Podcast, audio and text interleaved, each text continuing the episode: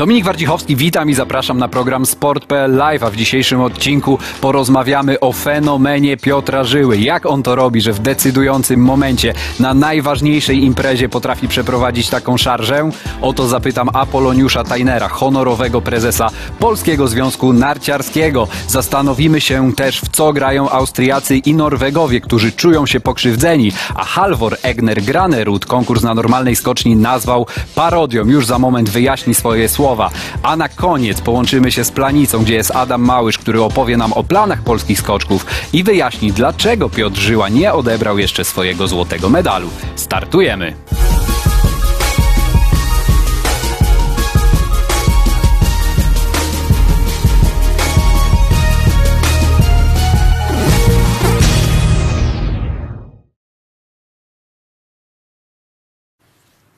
Tutaj lata nasz mistrz świata, nie tutaj u nas w studiu, bo u nas w studiu dziś znakomity gość, Apoloniusz Tajner, honorowy prezes Polskiego Związku Narciarskiego. Dobry wieczór, panie prezesie. Dobry wieczór państwu. I oczywiście będziemy dzisiaj rozmawiać o tym, co wydarzyło się na Mistrzostwach Świata w narciarstwie klasycznym. Fenomenalna historia. Piotr Żyła obronił tytuł, obronił złoty medal na skoczni normalnej, no i fenomenalna szarża w tej drugiej serii. I od razu, panie prezesie, pytanie, czy tylko Piotra Żyłę było stać na taką szarżę w tej drugiej serii? No, ciekawa była ta sytuacja. 13 miejsce po pierwszej serii, duży niedosyt, który Piotrek tam e, artykułował w późniejszych wypowiedziach. No mówi, i... że był załamany, że już nawet mu się płakać chciało po tej pierwszej serii. No, tak, tak, tak, machał ręką, prawda. Tak.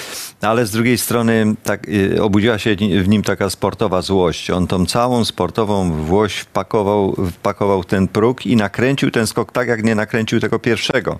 Czyli od razu z progu idealnie trafiony, od razu nakręcony rotacyjnie, prawda, więc dostał szybkość, ale dostał też wysokość i wtedy jak już miał wysokość, to on już wiedział, co ma robić. Leciał tam na sam dół, zaskoczył nawet tym, że tak pięknie i czysto wylądował y, na wypłaszczeniu, a przecież trzeba zdawać sobie sprawę z tego, że skoczek, który leci na takiej wysokości nad bólą i, i widzi, że leci tam w to przejście, prawda, to dla niego to jest takie wrażenie, jakby leciał na płaskie.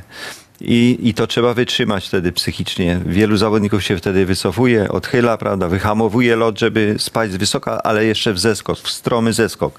Natomiast Piotrek tutaj nie odpuścił ani momentu. To, zresztą on to potem mówił, to, to jak poczuł tą krew, to już ją wykorzystał do końca. Bardzo wysokie oceny za styl zasłużone i, i no i, i, i słuszne, słuszne zwycięstwo takie, takie bardzo spektakularne, bo przecież e, on potem czekał, prawda, jeszcze 12 zawodników przed nim.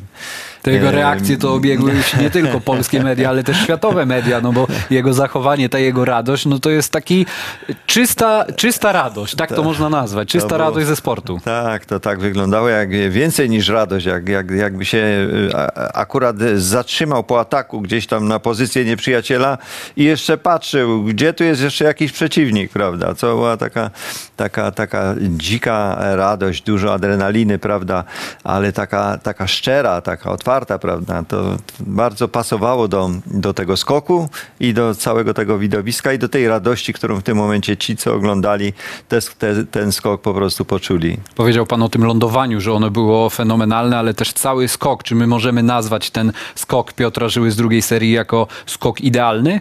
Mm, e, tak, dla Piotra tak. Ja, ja myślę, że to nie wiem, czy to nawet nie był najlepszy skok w jego życiu. To, to jak się wygrywa Mistrzostwo Świata z 13 pozycji, bijąc przy tym jeszcze rekord skoczni, na tej skoczni 105 metrów, jest, to jest bardzo daleko no to, no to, to, jest, to, to jest fenomenalne i, i, i wydaje mi się, e, to można Piotrka jeszcze o to zapytać, czy nie uważa, że to był skok życia, bo ja tak myślę, ja sobie nie przypominam aż tak dobrego skoku Piotra. Chociaż wiemy o tym, że on jest lotnikiem, lubi loty narciarskie, lubi y, startować na tych największych skoczniach świata, a jest podwójnym mistrzem świata na skoczni normalnej. No to też się idealnie chyba wpasuje w jego osobowość i w to, jak on podchodzi do skoków narciarskich. Tak, ale też y, to jest zawodnik, który dysponuje jednym z najmocniejszych odbić na, wśród wszystkich skoczków generalnie. Ma niesamowitą dynamikę i, i wiele lat walczył z tym, że że ta, że ta dynamika przeszkadzała mu w oddawaniu dobrych skoków, bo jeżeli e, robi się błędy techniczne jeszcze podczas odbicia, podczas rozwinięcia tego odbicia, a wkłada się to pełną moc, to błąd tylko pogłębia. My mówimy, że to wtedy jest jakby błąd do kwadratu i to mu przeszkadzało, ale jak to zaczęło wchodzić w technikę, to w tym momencie, jeżeli on tak dobrze zaczyna skakać, to on bywa nie do pokonania. I, i rzeczywiście yy, no, parę konkursów przecież Pucharu Świata wygrał, parę fenomenalnych skoków oddał i w lotach narciarskich, i na tych mniejszych i większych skoczniach. Więc yy, biorąc pod uwagę fakt, że dysponuje tak mocnym odbiciem, to preferuje się dla niego skocznie mniejsze, bo ta moc odbicia ma yy, większe znaczenie. Natomiast yy, no, jeszcze to musi być prawidłowo rozwinięte, więc ta moc plus prawidłowe rozwinięcie, tak, a, a to trzeba takiej perfidii w wykonaniu technicznym, no to, no to wtedy daje dopiero takie odległości i, i tego rodzaju wyniki sportowe. Trzeba też pamiętać, że, że to rozwinięcie odbicia jest trudne, bo próg nachylony jest pod kątem 11 stopni. To nie jest płasko, tak jak niektórzy myślą, tylko 11 stopni, więc tam, tam, tam cały czas uciekają te narty zawodnikowi i on, on musi być idealnie wpasowany z dojazdem. A to, co czytałem właśnie Janek Szturc, trener y, klubowy Piotra, który go wychował, mówi, że, że od początku ta pozycja dojazdu jego była stabilna. To może wyczuć tylko trener Szturc, bo, y, bo dojazd jak dojazd wydaje się, że każdy jedzie tak samo. No, a nie, nie zawsze. Nie każdy być jest pełna w równowaga. stanie tak odlecieć i pewnie dlatego skoki narciarskie są taką tajemną dyscypliną, bo nie widać często tych niuansów. A gdyby pan miał wytłumaczyć ludziom, którzy oglądają skoki narciarskie, ale nie do końca się zagłębiają, na czym polega ten fenomen Piotra Żyły, że on potrafi skoncentrować się Chociaż nie wiem, czy to jest koncentracja. Potrafi się spiąć i zmobilizować na ten najważniejszy moment, na najważniejszą imprezę, na ten najważniejszy skok. Ja, ja myślę, że o to by trzeba było samego Piotra zapytać, bo on to zrobił w Oberstdorfie też, ale to już tak jakby wtedy w Oberstdorfie Adam Małysz był na miejscu i, i, i opowiadał mi, że on od rana był jakiś taki wesoły, skakał po schodach i tak dalej. Tym razem grał na, na gitarze, prawda, i, i to w nocy jeszcze. E, Natomiast jak on wykrzesał w sobie taką motywację do tego, żeby, żeby każdą komórkę organizmu zmobilizować do, do takiego jednego potężnego wysiłku, no to to już jest jego, jego tajemnica. Wygląda na to, że po Oberstdorfie on znalazł na to sposób, ale też nie zawsze go uaktywnia, bo nie zawsze mu tak dobrze wychodzi. Nie zawsze tak wychodzi. Wywołał już pan tutaj Adama Małysza i tak się składa, że prezes Polskiego Związku Narciarskiego jest z nami. Halo Planica, dobry wieczór. Dzień dobry. Dzień dobry, dobry Cześć wieczór. Adam. Dzień dobry, witam prezesie. Tak, wszyscy mamy prezesów dwóch dzisiaj w programie. Jeden honorowy tutaj u nas na honorowym miejscu, drugi prezes urzędujący, tak to nazwijmy, Adam Małysz, prosto z planicy. Panie Adamie, no to skąd ten fenomen Piotra Żyły? Pan to obserwował z bliska. Jak on wykrzesał te siły w tej drugiej serii, żeby oddać tak fenomenalny skok? Ja myślę, że Piotrek już e, w tej próbnej skok, e, skoczył naprawdę tak dobry skok, że to go troszkę podbudowało. Z dru- Z drugiej strony mogło go troszkę poddenerwować, bo jednak e, wygrywając próbną serię idziesz na konkurs i wiesz, że gdzieś tam wszyscy już na ciebie liczą. Ale z drugiej strony, no, myślę, że to, że skończył na 14 miejscu po pierwszej serii, to troszkę mu pomogło, a ta przewaga nie była tak duża, bo 5 punktów tylko do, do złotego medalu. E, I później no, ten skok, on sam powiedział, że to był chyba skok jego życia, bo to naprawdę był tak, tak dobry skok. E, I w takim telemarku jeszcze Piotka nie widziałem wylądować, więc myślę, że spokojnie to nie było na tam 19, 19,5, tylko jakby ktoś nawet dał 20, to nikt by się nie pogniewał. A pan już wiedział po tym skoku, że to jest skok na medal? No myśmy tam stali akurat parę osób i ja od razu mówię, mówię, zobaczcie, że to będzie medal, bo to naprawdę był dobry skok, a bardzo mocno gdzieś tam kręcił. Raz było z przodu, raz było z tyłu. Oczywiście ten wiatr aż tyle nie odgrywał tej roli, bo jednak jeśli ktoś dobrze skoczył, jeśli Piotrek nawet by miał lekko z tyłu, to myślę, że tych 100, 101, 102 metrów nawet by mógł skoczyć w tym skoku, który oddał, bo naprawdę to był, to był naprawdę bardzo dobry skok. Wspomniał też pan o tym lądowaniu. To był problem y, w poprzednich konkursach, zwłaszcza Piotra Żyły, ale też mam wrażenie, że innych naszych reprezentantów. Y, Nasza kadra jakoś specjalnie trenowała przed tymi Mistrzostwami Świata nad tym elementem, no bo wiemy o tym, że na normalnej skoczni, no te ułamki punktów, te pół punktu, e, które przyznają sędziowie właśnie za lądowanie, czy to jest 19, czy 19,5, czy 18, czy 18,5, to może robić kolosalną różnicę. Nawet przed konkursem rozmawialiśmy jeszcze z Łukaszem Kruczkiem, który, który mówi, że tak dziwnie tu jest skocznia usytuowana, ten, e, ta wieża, z której e, sędziowie dają noty, że jak Piotka nawet gdzieś tam czasem e, tak przegina na jedną stronę, to tego nie widać. I on może tutaj naprawdę na tym bardzo mocno plusować, ale w tym skoku akurat go nie przegięło, bo doszedł tak dobrze do lądowania i to jest też właśnie to, że jeśli zawodnik może trenować oczywiście to lądowanie i powinien, bo to wchodzi jakby w nawyk, żeby zawsze tę nogę wysuwać do przodu, ale z drugiej strony, jeśli ty dojdziesz tak jak on doszedł na, tej, na tym dalekim skoku, bardzo takim wyciągnięty i z przodu, to on wyciągając tylko tę nogę, to tylko mu się polepszyło to lądowanie, bo gdyby cupnął na dwie nogi, on by pewnie przysiadł, gdzieś tam nawet by mógł podeprzeć ten skok. Ale to aż się prosi o to, żeby tę nogę wyciągnąć, żeby łatwiej było dojść do tego lądowania i tak zrobił. To było widać, że już po wyjściu z progu on nabra, nabrał takiej wysokości, że tutaj też rozmawialiśmy z y, panem Apoloniuszem, że, że skok życia, skok idealny. A jak sam Piotrek podchodził do tego na gorąco po samym konkursie? My widzieliśmy te jego wypowiedzi, z których tak naprawdę trudno było cokolwiek zrozumieć, bo też wiemy, jak ekspresywnym człowiekiem jest Piotr Żyła, ale kiedy później wy rozmawialiście już y, w gronie sztabu, w gronie reprezentacji, to jak on w ogóle podchodził do niego, docierało to, co się wydarzyło w Planicy? No zaraz po skoku to było ciężko się z nim dogadać, on cały czas krzyczał i to powiem tak, e, ja byłem tam dosyć długo i jeszcze jak gasili już światła na skoczni i zostały tylko światła, gdzie tam było na dziennikarzy, żeby dziennikarze mogli z nim jeszcze porozmawiać z innymi zawodnikami, no to dalej było słychać te wrzaski i te, te krzyki. Ja mówię, kurczę blada, on jutro nie będzie gadał, jak w ogóle wstanie do, do tych mixtów jak nawet się go spytałem, że Piotrek obiecaj mi, że jutro, że spokojnie dzisiaj, bo jutro, jutro będzie skakał w miksach, to on nie wierzył, że będzie skakał i mówi, nie, nie, tego to nie mogę obiecać. Więc Ale nie wierzył, że myślał, że nie da rady, czy, czy myślał, że trener go nie wystawi? On nie wiedział, że będzie skakał, to jest jedno. A druga sprawa taka, że nie wierzył w to, że jest w stanie opanować się, żeby gdzieś tam szampana czy czegoś nie wypić. On po prostu, Piotr reaguje w ten sposób. On bardzo mocno kumuluje w sobie pewne emocje. I przed samym tym skokiem naprawdę, on był, dziennikarze do mnie podchodzili i mówią, Jezus, ten żyła taki nabuzowany, my coś do niego mówimy, on przechodzi, przelatuje koło nas i w ogóle nie reaguje. Ja mówię, spokojnie, jest na pewno nabuzowany na to, żeby dobry skok oddać i żeby wszystko poszło w ten próg, a nie teraz tutaj w koło i to jest bardzo dobre. I później nawet po tym pierwszym skoku z nim rozmawiałem tam na chwilę i on mówi, kurczę, no nieźle było, ale trochę tam zabrakło, mówię, Piotrek, jeszcze jest czas, to jest tylko 5 punktów, pamiętaj. I, I faktycznie był bardzo mocno skoncentrowany, ale też bardzo mocno nabuzowany i później to puściło. To samo było w Oberstdorfie i w tych, w tych skokach, które gdzieś tam wygrywał, czy to były loty w Kulm, gdzie po, po pierwszej serii też prowadził, później wygrał ten pierwszy konkurs, to on się bardzo podobnie zachowywał. To ma taką rutynę. Każdy zawodnik ma pewną rutynę, którą gdzieś tam e, cały czas e, stosuje i, i wdraża to. I myślę, takie dobre określenie jest. E, Piotrek jest jak wino. Im starszy, tym lepszy. Dlatego, że on, po raz, e, on teraz dopiero rozumie, e, co to są skoki jak trzeba się koncentrować, co trzeba robić i jak wykorzystać ten jego potencjał, który on naprawdę ma od dawna, bo wiemy doskonale, że on od dawna miał naprawdę niesamowity potencjał i on od dawna powinien odnosić sukcesy, nie tylko na Mistrzostwach Świata, ale również w Pucharze Świata a on dopiero od jakiegoś czasu zaczyna być naprawdę tak mocno stabilny, nie mówiąc już o tym roku, gdzie teraz jest bardzo stabilny, czy w Pucharze Świata, czy na Mistrzostwach Świata przyjeżdża i wygrywa, broni tytuł, to się rzadko zdarza naprawdę.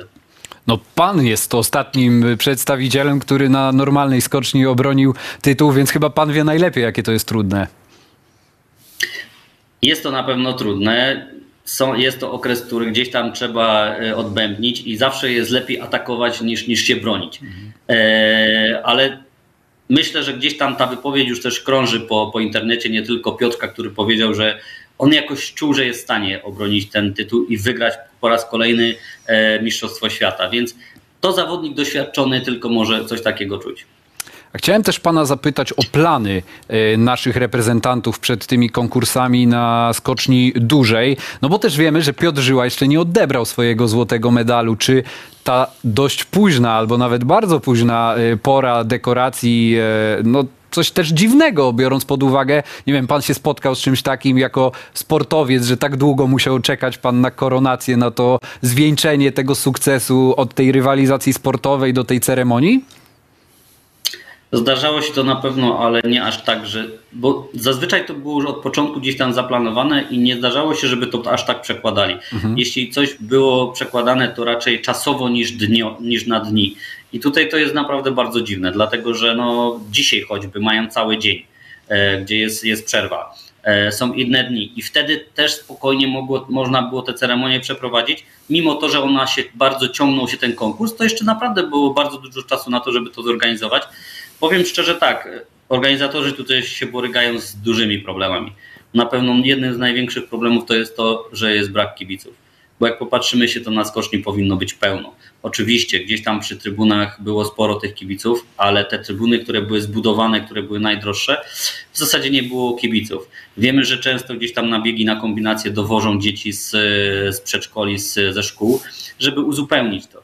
Myślę, że największym problemem było to, że, że tak mocno zostały ceny wywindowane, nie tylko biletów, ale również i e, mieszkań, które tutaj, tutaj są. Chodzimy tutaj z dziennikarzami, nie tylko z zawodnikami, z teamami różnymi po Okraińskiej Górze i naprawdę proszę uwierzyć, że na, na, na Plaży Świata na zakończenie czy na Alpejskich tu jest pełno. Dzisiaj tu prawie nie ma ludzi. I to w związku z tymi wysokimi cenami, które, które pewnie yy, biorąc pod uwagę to, że Słoweńcy no, długo czekali na tę imprezę, no to wywindowali na pewnie niebotyczny poziom. No dokładnie, z tego co wiem, to 60 chyba 5 euro kosztuje bilet wstępu dla jednej osoby na, jed, na jeden konkurs czy na jedną dyscyplinę, więc e, gdzieś to jest, myślę, że mimo wszystko jest to, jest to sporo. E, sami Słoweńcy dosyć mocno to krytykują, jeśli chodzi o dziennikarzy, bo dzisiaj w słoweńskiej telewizji gdzieś tam słuchaliśmy również, że, że faktycznie dosyć mocno było to skrytykowane, że przez to te, te mistrzostwa tak trochę się rozlazły ale też podejście, myślę, wydaje do, do, tego, do tej organizacji było dosyć takie E, luźne, bo nas zapytano jako związku również o to, żeby pomóc wypromować te mistrzostwa w Polsce. E, odezwała się jakaś agencja i później się już więcej nie odezwała. Chcieli promocji podczas Puaru Świata w Zakopanem. My powiedzieliśmy, że nie ma problemu, przygotujcie co chcecie i tak dalej, pewnie się jakoś dogadamy. I od tego czasu nic. A tutaj pytają nas Słoweńcy, czemu Polacy nie przyjechali. No wiemy doskonale, no, jedno to pewnie jest cena, druga to jest to, że jeszcze mają loty na koniec sezonu, gdzie już pewnie będzie ciepło i słoneczko i tak dalej i każdy woli na loty przyjechać. Trzecia rzecz, pewnie to jest przede wszystkim to, że jest bardzo drogo. E, miejmy nadzieję, że ci kibice na dużej skoczni gdzieś tam lepiej dopiszą, bo to też jest e, dobre dla tego sportu. Czyli inflacja i drożyzna dopadła również e, Słowenię, ale nie o tym będziemy rozmawiać, bo w międzyczasie widzieliśmy tutaj nagranie świętującego Piotra Żyły z szampanem. Może jeszcze raz to możemy zobaczyć. Pan wspomniał o winie, to ja zapytam tak, czy na tym szampanie się skończyło? O szampanie. Nie no, wątpię, że się na szampanie skończyło, bo na pewno gdzieś tam jakieś piwo też było, choć e, rano jak, e, rano jak wstałem, to zobaczyłem, że Piotrek mi e, wysłał buźkę o drugiej w nocy, a, a w zasadzie później o, o ósmej już był na nogach, więc sam zresztą stwierdził, że trzy godziny spał, ale jak z Tomasem rozmawiałem, mówi, że on poszedł o 12 spać, wyspał się, i że Żyła też jest gotowy. To było jakby przed konkursem mixtów e, i to mnie uspokoiło. Rozumiem, że sztab miał wszystko pod kontrolą, całą imprezę. Miał pod kontrolą, zresztą też jak Piotka zobaczyliśmy na skoczni przed, przed konkursem mixtów, to, to naprawdę wyglądał lepiej, zdecydowanie lepiej niż jak w Oberstdorfie, to na pewno, bo w Oberstdorfie pamiętam jak, jak było. Jak było? To ja, ja, ja nie wiem jak było, to musi panu powiedzieć jak było w Oberstdorfie. No ja myślę, że wszyscy widzieli, że Piotrek był bardzo zmęczony jakby e, przed konkursem mixtu, no ale wszyscy mu to musieli wybaczyć, e, bo to było coś niesamowitego, co tam, co tam osiągnął. E, a tutaj no, może gdzieś tam też ten wiek powoduje to, że, że też już zdecydowanie inaczej do, do pewnych rzeczy podchodzi, ale fakt faktem, że wykrzyczał się, gdzieś tam wycieszył się, wyświętował, i tak powinno być mimo wszystko po medalu, bo, bo to jest wielki sukces. A jak w Flanicy komentuje się te kontrowersje po konkursie? E, Austriacy narzekają na to, że zostali zestrzeleni, szczególnie Daniel Czofenik chyba może mówić o, o takim e, no, momencie, w którym został puszczony, gdzie ten wiatr rzeczywiście mu mocno nie sprzyjał. Ale z drugiej strony Stefan Kraft e, był zawodnikiem, który miał jedne z lepszych warunków w tym konkursie, co też wyliczył Łukasz Jachimiak u nas na portalu portalu, co można przeczytać na sport.pl. Jak to w ogóle się komentuje tam między reprezentacjami? E, Czy rzeczywiście jest ten temat tych loteryjnych warunków i czy to w ogóle były loteryjne warunki i czy słowa Halvora, Egnera, Graneruda o parodii są uzasadnione? No, dzisiaj rozmawiałem też jeszcze z dziennikarzami innymi, którzy mówili, że byli u, u Norwegów i rozmawiali z, e, z Granerudem, który jeszcze po konkursie od razu w, emocjach faktycznie mówił, że żyła miał więcej szczęścia niż, niż, e, niż możliwości, czy tam na, na, na to, co go było stać. A dzisiaj już stwierdził zupełnie inaczej, że jednak no, gdzieś tam szczęście szczęściem, e, też go trzeba mieć, ale jednak e, prawdopodobnie oglądał skok Piotrka II i uznał, że faktycznie to był skok na, na medal. Tę wypowiedź Halvora Egnera, Graneruda jeszcze za chwilę zobaczymy, ale panie Adamie, chciałem pana jeszcze zapytać, czy spoglądał pan dzisiaj w kalendarz? Wolę nie, jestem coraz starszy, więc wolę nie patrzeć w kalendarz. Okej, rozumiem, akceptuję tę odpowiedź, ale czy kiedy zobaczył pan datę 27 lutego, to serce zabiło trochę szybciej? A co wtedy się wydarzyło? W 2004 roku chyba najgroźniejszy upadek w pana karierze. Nie wiem, to są obrazki, które wtedy wstrząsnęły absolutnie całą Polską. E, W ogóle wspomina pan ten upadek i czy w ogóle coś z niego pan pamięta? Znaczy, oczywiście, że pamiętam to, co było po upadku. Przed raczej nie za bardzo, e, ale z drugiej strony takie rzeczy gdzieś tam nie, nie trzymię w głowie, bo to jest tak, że jeśli coś jest fajnego, to dobrze to mieć w pamięci i, i wracać do tego. Jeśli coś było nieprzyjemnego, niefajnego, to najlepiej to wymazać. Wiem, że trudno jest wymazać całkowicie, ale gdzieś tam można na tyle zaszufladkować, że jeśli tak jak wy nie przypomnielibyście mi o tym, to pewnie bym nawet o tym nie wiedział. A to był najtrudniejszy i najgroźniejszy upadek e, w pana karierze, biorąc pod uwagę całą karierę i czy też to był taki jeden z najczarniejszych dni w pana karierze? Myślę, że jeden z, bo to, to, to jeśli chodzi o skoki narciarskie na pewno. Miałem groźniejsze sytuacje, jak jeździłem w rajdach, ale myślę, że, że to był jeden z takich, e, z takich upadków, które naprawdę gdzieś tam bardzo mocno utkwiły w pamięci i bardzo mocno gdzieś tam na początku przede wszystkim e, były dla mnie ciężkie. Na szczęście nie było żadnego złamania, nie było żadnej poważnej tam wtedy kontuzji, mimo to, że straciłem przytomność. E, odpukać przy różnych moich sportach, które uprawiałem, nigdy nie miałem nic złamanego i, i, i to chyba też jest by, jakby nie, nie było, jest jakby trochę zasługą to, że że od dziecka uprawiałem sporty różne, nie tylko jakby skoki czy, e, czy kombinacje na początku norweską, ale różne sporty i to, to myślę, że bardzo mocno pomogło mi w tym, żeby w wielu sytuacjach gdzieś tam wychodzić z obronną ręką.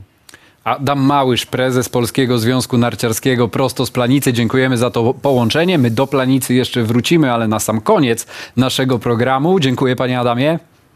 Dziękuję bardzo. A my wracamy do rozmowy w naszym studiu, gdzie cały czas jest Apoloniusz e, Tajner, honorowy prezes Polskiego Związku Narciarskiego. Wszystko się zgadza. Panie prezesie, chciałem zapytać o to, o co też pytałem Adama Małysza. Czy te problemy organizacyjne Słoweńców mogą wpływać na naszą kadrę, na to, co się dzieje? Czy ten sukces Piotra Żyły już teraz, że tak powiem, poluzował wszystko i, i, i zupełnie inaczej podchodzimy do tych Mistrzostw Świata? To znaczy problemy organizacyjne nie dotyczą naszej reprezentacji. To, to oczywiście się obserwuje ze względu na, na małą ilość kibiców, że no, tak to jakoś nie pasuje do Słowenii, do Planicy. Tam zawsze jest pełno, tam zawsze jest radośnie, a tutaj tak jakoś, mimo że przecież mają świetnie przygotowanych zawodników i tam pachnie ciągle medalami w tych No konkursach, właśnie, tak, prawda? e, Także... pod, zwłaszcza pod ty, A przynajmniej y, tymi nadziejami, a jak są takie nadzieje, jak e, realny poziom zawodników pokazuje, że, że to jest możliwe, no to ludzie przychodzą. To jest zadziwiające, że nie, przy, że, no, że nie przyszli. No, ale to może tłumaczyć faktycznie drożyzna w hotelach e, i, i drogie te bilety. Także to może tłumaczyć fakt, że, no, że, że gdzieś granica przyzwoitości została przekroczona i w związku z tym ludzie no, odmówili, że tak powiem, udziału w tej, w tej imprezie, ale myślę, że na skoczni większej to tam jeszcze się e, pojawią tłumy, bo e, po, po medalu zdobytym w mikście, prawda, przez e, Słoweńców, no i po tym, jak oni się prezentują, ciągle mają indywidualnie i drużynowo te szanse medalowe ciągle mają, bo, bo to jest bardzo wysoki poziom. Ludzie przyjdą jeszcze. Do mixtu pewnie jeszcze sobie y, wrócimy, bo to też jest ciekawy temat i temat szczególnie tych skoków kobiet bardzo mocno y, jest komentowany w naszym kraju, ale chciałem pana najpierw zapytać o te słowa Halvora Egnera Graneruda o parodii. Uważa pan, że one były uzasadnione?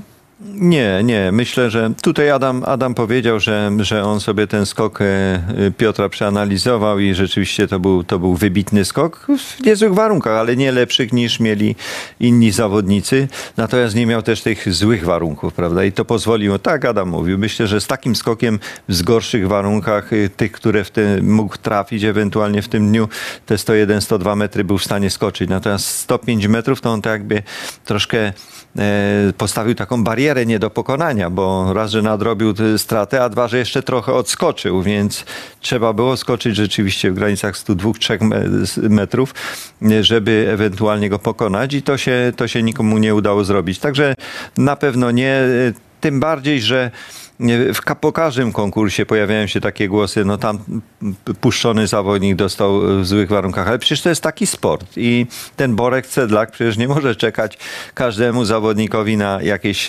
lepsze warunki, tylko jak się mieści w korytarzu, prawda, ten wiatr, tam jest siedem czujników, które które potem y, sumuje się ich, y, ich y, na, te odczyty się sumuje i ostatecznie jest potem taki podany wskaźnik plus czy minus, prawda? Więc jeżeli wszystkie siedem są w, w tym korytarzu wyznaczonym, Borek Sedlak czeka 2-3 sekundy na pewną stabilizację, żeby znowu nie, nie wrócił jakiś zły wiatr, jest, utrzymuje się, puszcza tak to jest. No przecież to trudno, trudno tutaj mówić, e, używać takich słów parodia. Na, nam też czasami tak trafia i, i, i nic się na to nie poradzi. Natomiast są, e, są zawody, w których zawodnicy trafiają bardzo dobre warunki i jakoś wtedy nikt nic nie mówi, prawda? To jest okej, to się należało, ten przedni wiatr, na którym się leci, jak na poduszce powietrznej. No, no więc nie, nie, nie sądzę, żeby to było właściwe określenie w tej sytuacji. Halvor Egner Granerud mówił o tym na gorąco, o parodii, że ten konkurs na normalnej skoczni został trochę wypatrzony przez, przez warunki wieczne, a teraz, kiedy ochłonął, no to y, opowiedział Kubie Balcerskiemu o tym, y, jak podchodzi do tego i posłuchajmy, co ma do powiedzenia Norweg. They told it was a parody. We, we heard that from from one one TV that, that quoted you. Um, so right now you, you regret that words, or you thought it was like that really? No, I think parody was a little bit too strong. Uh, you know, they're really good at like uh, getting you to say uh, negative stuff to the Norwegian media. So uh, uh, that was a little bit strong, but uh, I think in in general it was quite a fair competition. Uh, but uh, some some people or most had some good wins in at least one jump. I didn't, uh, but uh, yeah, it is what it is, and uh, I, I will not uh, say that, uh, or I will maintain the fact that I had bad conditions in both my jumps, but I could have also jumped if I managed to get my absolute best jumps out. Uh, getting five more points in each jump would also have been a possibility. You already congratulated Piotrek like like when you were leaving, so it was because of, of the situation. When I when I landed and saw saw the saw Green, the length mhm. he had and and the compensation he had, and uh, then I was like, okay, yeah, I, this is a lot better than what was enough to lead after the first round, and it was also so so tight and. Uh, so yeah, I felt quite confident that his jump would be enough to win. And, uh, Halvor Egner Granerud y, ochłonął, powiedział, że warunki jednak były dość fair i bardzo dobrze, a Piotr Żyła chyba może się tylko śmiać z tej pierwszej wypowiedzi, zresztą w swoim stylu, bo to jest zawodnik, który bardzo często się śmieje. Panie prezesie, chciałem zapytać pana jeszcze o te warunki, ale trochę w innym kontekście, bo pewnie gdyby to był konkurs Pucharu Świata, to Borek Sedlak bardziej operowałby belkami.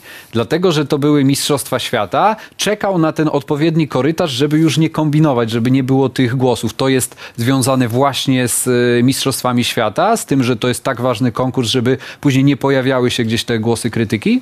Y, Nie, ja, ja myślę, że nie było potrzeby zmieniać y, belki najazdowej. Y, Te warunki, te warunki były lekko zmienne, ale rzeczywiście to były takie warunki dość równe, jak na, jak na ten konkurs i generalnie ja to życzyłbym sobie, że takie warunki były podczas Pucharu Świata i tak dalej. Belkę zmienia się wtedy, jeżeli trend zmiany wiatru jest stały, czyli na przykład był tylny ruch powietrza, wyższy rozbieg najazdowy i nagle się robi cicho, a za chwilę zaczyna wiać z przodu.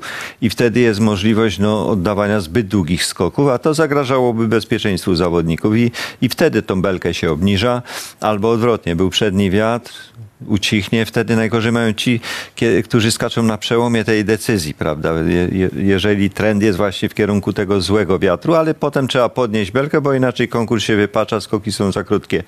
I, i wtedy jest potrzeba zmiany belek. Natomiast y, tutaj nie było potrzeby, tu było tylko potrzeba wyczekania chwili, żeby wiatr, ten ruch powietrza mieścił się w wyznaczonym korytarzu. A on jest i tak dość wąski, w związku z tym te, nie ma aż tak wielkich dysproporcji w tych, w tych warunkach.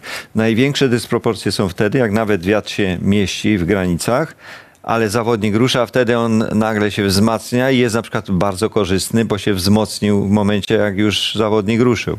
I no to wtedy masz szczęście. I odwrotnie, czasami bywa odwrotnie i wtedy sk- skok jest całkowicie zepsuty. No, takie są skoki nie do końca y, obliczalne, natomiast sama co do zasady to się sprawdza, czyli i, ta, y, i, i te bonifikaty punktowe, które zawodnicy mają za dobry lub y, zły wiatr, ale to też się sprawdza, jeżeli różnice są gdzieś y, do jednego metra na sekundę. Natomiast jeżeli wykraczają poza jeden metr na sekundę, wtedy już nikt nie nadrobi y, y, tych straconych metrów y, w związku z warunkami.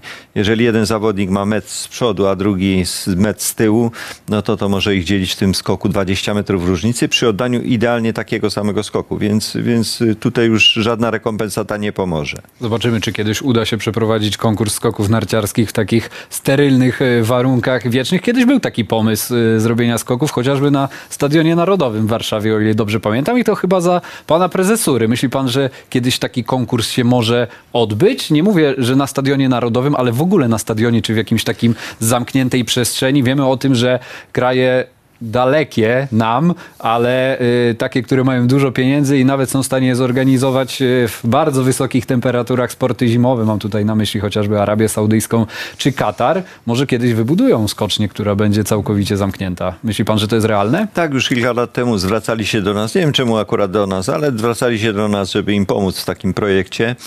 E, Ale to byłoby sztuczne i takie troszkę mało etyczne, tak bym powiedział. Natomiast e, rzeczywiście koszt finansowy to jest to, co ogranicza możliwość pokrycia skoczni czy umieszczenia w jakichś halach.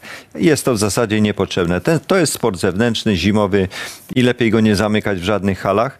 Natomiast zdarzają się konkursy, kiedy akurat trafia pogoda, że jest cicho, spokojnie. Wtedy konkursy są piękne, rzeczywiście obiektywne i, no i, i, i wtedy ta, ta rywalizacja cieszy, bo wtedy najlepszy jest najlepszym.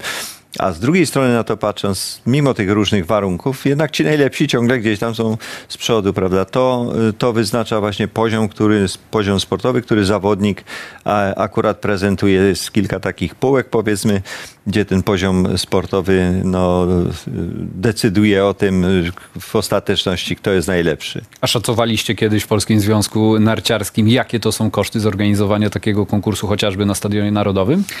Tak, tak. Wtedy zresztą to, była, to był powód głównie finansowy, że, że nie zdecydowaliśmy się na przeprowadzenie e, tego, tego, tych zawodów na Stadionie Narodowym. Koszt wtedy e, wynosił ok- około 23 miliony. Wyliczyliśmy potencjalne przychody na poziomie 18 milionów. W związku z tym 5 Mówimy o milionów. złotówkach To było czas. w złotówkach, tak. E, To, to było zbyt duże jednak ryzyko, ponieważ no, w, w razie jakiegoś niepowodzenia finansowego to Polski Związek Narciarski by został na placu boju wszyscy, że tak powiem, by tutaj mm, się od tego tematu odsunęli. Natomiast to był, to był ciekawy projekt i naprawdę już tak e, realnie przygotowany do realizacji. Próg skoczni byłby wtedy między dwoma takimi filarami. Tam z tyłu, z tyłu ten próg zostałby wybudowany około 80 metrów dalej, sama, same, e, sama wieża rozbiegowa. Próg byłby około 20 metrów przed koroną stadionu. W związku z tym dojazd do progu byłby poza stadionem, próg skoczni. Zawodnik by wlatywał na stadion, właśnie tam za, za korony stadionu, z tym, że widzowie by obserwowali dojazd do progu na telebimach, a, a potem już wyczekali, aż on wylatuje tam między tymi dwoma słupami, prawda, i leci. Skocznia miała być 90-metrowa, więc y, taka mniej więcej jak teraz ta w planicy. No i byłoby to ciekawe widowisko. Zawody miały trwać trzy dni, byłby to Puchar Świata.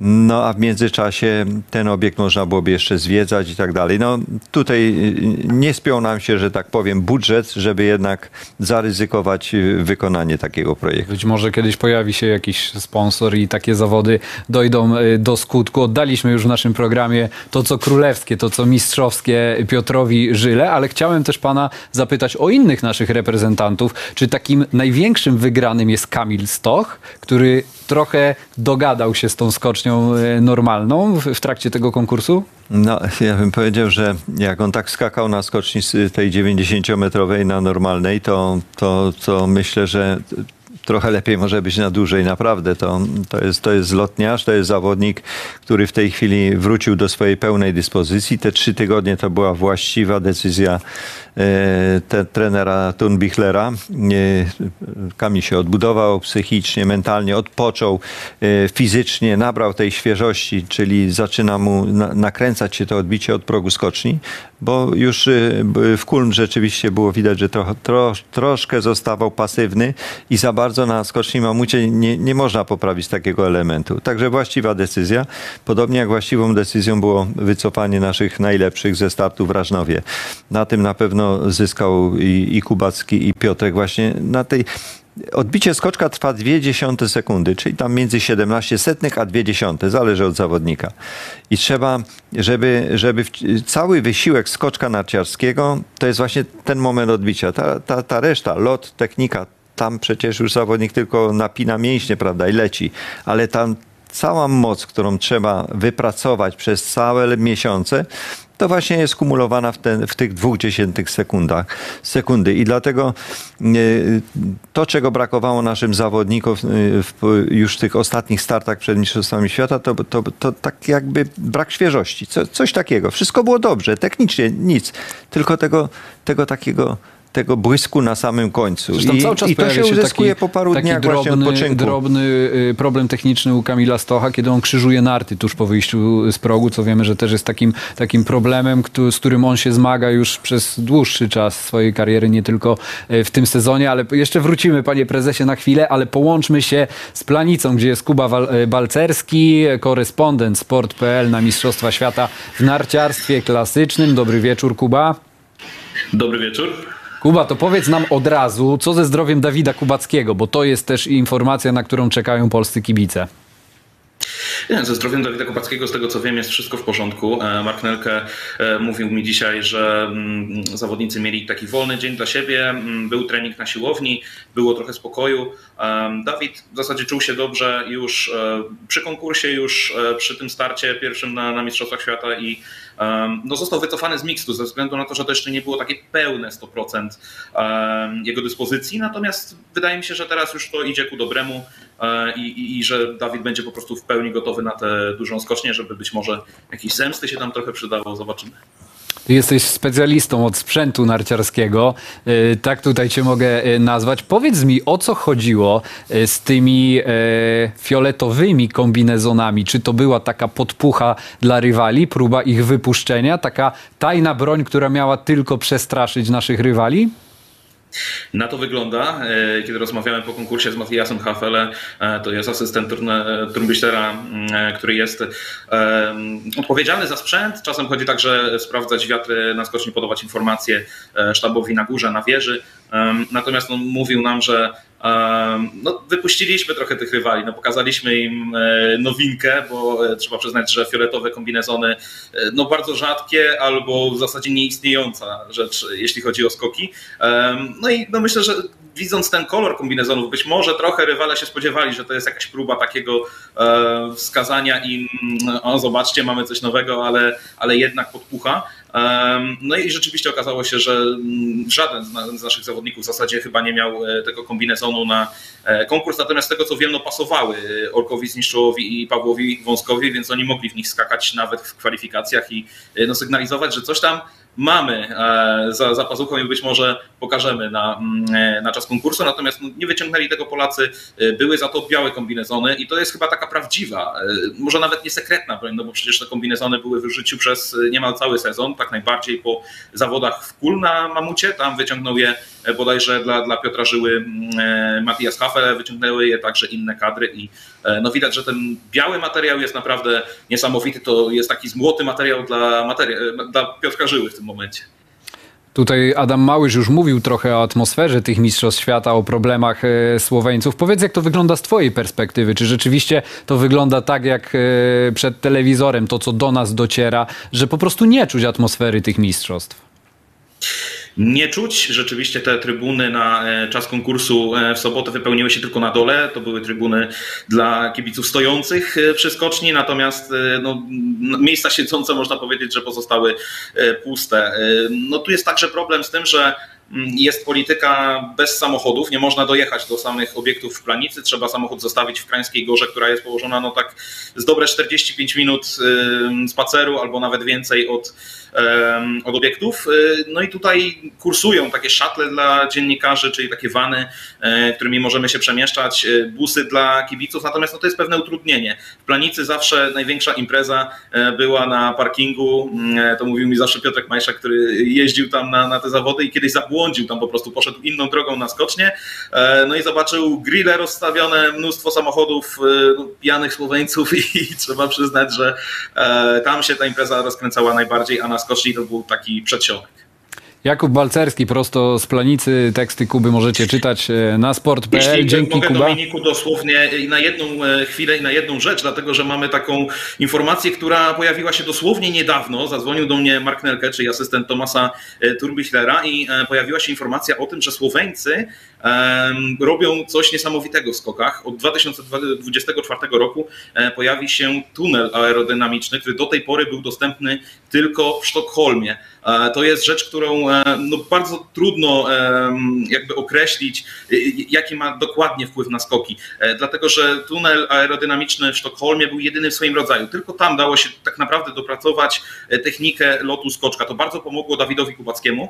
To jest jego taka tajna broń na ten sezon i, i tam no, zrodził się ten kozacki, można powiedzieć. E, Teraz jest szansa na to, że od 2024 roku więcej reprezentacji e, będzie miało dostęp do tej no, takiej tajemnej e, broni, bo do Słowenii będzie łatwo dojechać. Natomiast no, martwimy się trochę tym, że no, Słowenia też jest mocna i to jest jedna z czołowych drużyn. Ona teraz będzie miała w ręku taki naprawdę, naprawdę mm, silny argument do tego, żeby przebić się jeszcze, jeszcze wyżej. Natomiast z tego, co słyszałem, to nie jest tak, że temat obcy w Polsce, więc, więc może prezes potwierdzić albo zaprzeczyć, e, czy pojawiały się takie możliwości, żeby ten tunel powstał i w Polsce. Już zaraz zapytamy o to y, pana prezesa. Kuba Balcerski prosto z Planicy. Dzięki Kuba za te informacje. Panie prezesie, to może być taki game changer, ten, ten tue- tunel aerodynamiczny w Słowenii? Ja wiem, no z, z, tunelem, z tunelem mamy swoje doświadczenia. Już e, w 2002, 2003, 2004 roku e, w warszawskim e, tunelu, tam w okolicach lotniska, trenowaliśmy element odbicia, pozycję dojazdową testowaliśmy, jaka jest najbardziej aerodynamiczna, prawda? Również fazę lotu, tylko że tam ten wiatr przebiega poziomem, nie, prawda?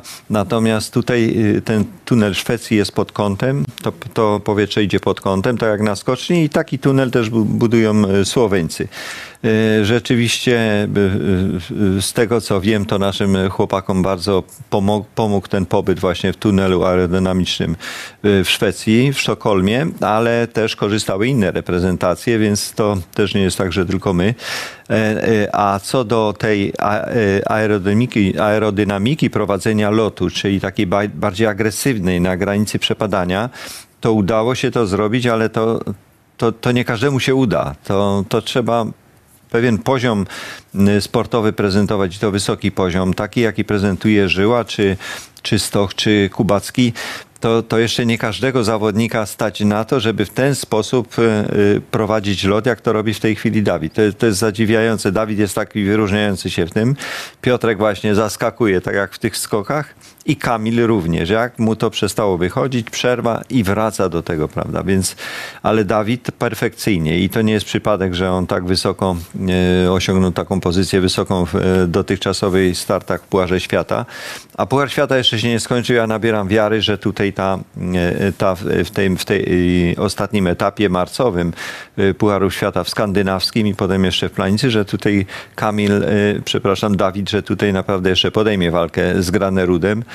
I, i jeszcze tej, i to jeszcze nie jest koniec tej rywalizacji. Więc y, tunel tak, były takie e, pomysły, żeby tego rodzaju tunel na terenie Centralnego Ośrodka Sportu w Zakopanem również e, no, zrobić, przygotować, ale tutaj, tutaj już sprawa poszła jeżeli chodzi o koszty i, i na razie tego pomysłu nie ma. Jeżeli będą mieli w Planicy, to tym bardziej nie będzie potrzeba, bo mamy 6-7 godzin drogi do Planicy, żeby, żeby takie ewentualnie testy porobić, bo ten tunel na pewno będzie, żeby był rentowny, no to musi być udostępniony również innym, więc więc y, no cieszę się, że będziemy mieli bliżej. Wszyscy się cieszymy, wszyscy się cieszymy ze złotego medalu Piotra Żyły, z tego co dzieje się na Mistrzostwach e, Świata w narciarstwie klasycznym. Oczywiście jeszcze przed nami konkursy na dużej skoczni, tam będzie konkurs drużynowy, w którym na pewno będziemy walczyć o medale, ale na koniec, to jeszcze nie koniec, teraz niespodzianka, materiał, o który nikt nie pytał, a każdy potrzebował, czyli Pointner, a jeszcze wrócimy po tym materiale na chwilę tutaj e, do studia. E, Zobaczmy e, Pointnera, który przygotowuje się do takiej sekretnej misji. Hello, dear Polish people. Today I want present you the dance, the ballroom from the Dancing Stars of Austria. But first of all, congrats for the first gold medal from uh, Piotr at the small hill. And on Friday, it's a really big day because on Friday there's the competition, the second competition. hello. The second competition at this World Championships in Planica, and you have the ch- uh, we have the chance to get the second gold medal. And after that, there is the first show, and we have to perfor- perf- perf- perform the first time. And my partner is Manuela Stöckel. Yeah. They are uh, not uh, sisters and brothers, no, but you will know her when we will perform. So, thanks a lot and good luck for the big hill. See you. To wideo prosto od Kuby Balcerskiego, który przeprowadził bardzo ciekawą rozmowę z Aleksandrem Pointnerem. Pierwszą część możecie już czytać na sport.pl, druga już niedługo. Zapraszamy na tę rozmowę. Yy, Panie prezesie, tutaj prosto z parkietu tańca z gwiazdami austriackiej wersji. Pan dostał kiedyś propozycję z tańca gwiazdami? Nie, nie, to nie, to nie dla mnie, to jest dla młodzieży. Nie wystąpiłby pan w tańcu z gwiazdami? Nawet w, yy, pewnie w trakcie Mały Szomani było propozycji mnóstwo. Nie, nie było, nie było. Nie było takich propozycji. Ale jakoś e, nie sądzę, żebym był zainteresowany za bardzo. To wszystko. Przepraszam bardzo, mogę coś pokazać? Tak, oczy, znaczy, mam nadzieję, to do jest tej zdjęcie, kamery. To jest zdjęcie, jeżeli można, y, podczas testu od, odbicia y, Piotra Żyły z pozycji dojazdu hop do góry. Proszę popatrzeć. O, pokażę, O, proszę pokażę bardzo. bliżej. Na taką wysokość wzniósł się po, po takim odbiciu bez zamachu, tylko hop, odbicie Dla normalnego człowieka nieosiągalne. No, i, I to oczywiście Co pokazuje już, tak, już to się nam wygasiło, Co- panie prezesie, ale Aha, widzieliśmy, było wszystko, można Aha, jeszcze e, na chwilkę, co pokazuje, jakim kosmitą jest Piotr Żyła, jak on pokazuje, jak on skacze, jak wysoko. O, mamy jeszcze raz to zdjęcie. Piotr Żyła, czyli rozumiem, że on stał w miejscu i po prostu miał Nie, zrobił do pozycję góry. dojazdową i, i z tej pozycji hop do góry. Bez żadnego naskoku, tak jak robią czy, A na to jest siatkarze, prawda? ponadprzeciętna wysokość nawet wśród skoczków To jest, to jest ponad, ponadprzeciętna, nie ma o czym mówić. Proszę spróbować się odbić w górę i, i, i, i zobaczyć No ja tak bym na pewno wizualnie. nie dał rady To tak może być wysoko. 20 cm, 30 ale to co, to straszną dynamikę, straszne kopyto ma. I jak mu to wchodzi z techniką, wtedy jest nie do pokonania. I na takie kopyto czekamy na dużej skoczni w Planicy. Apoloniusz Tajner, honorowy prezes Polskiego Związku Narciarskiego. Dziękuję bardzo panie Dziękuję prezesie. bardzo. Dominik Wardzichowski, kłaniam się, do zobaczenia w kolejnych odcinkach.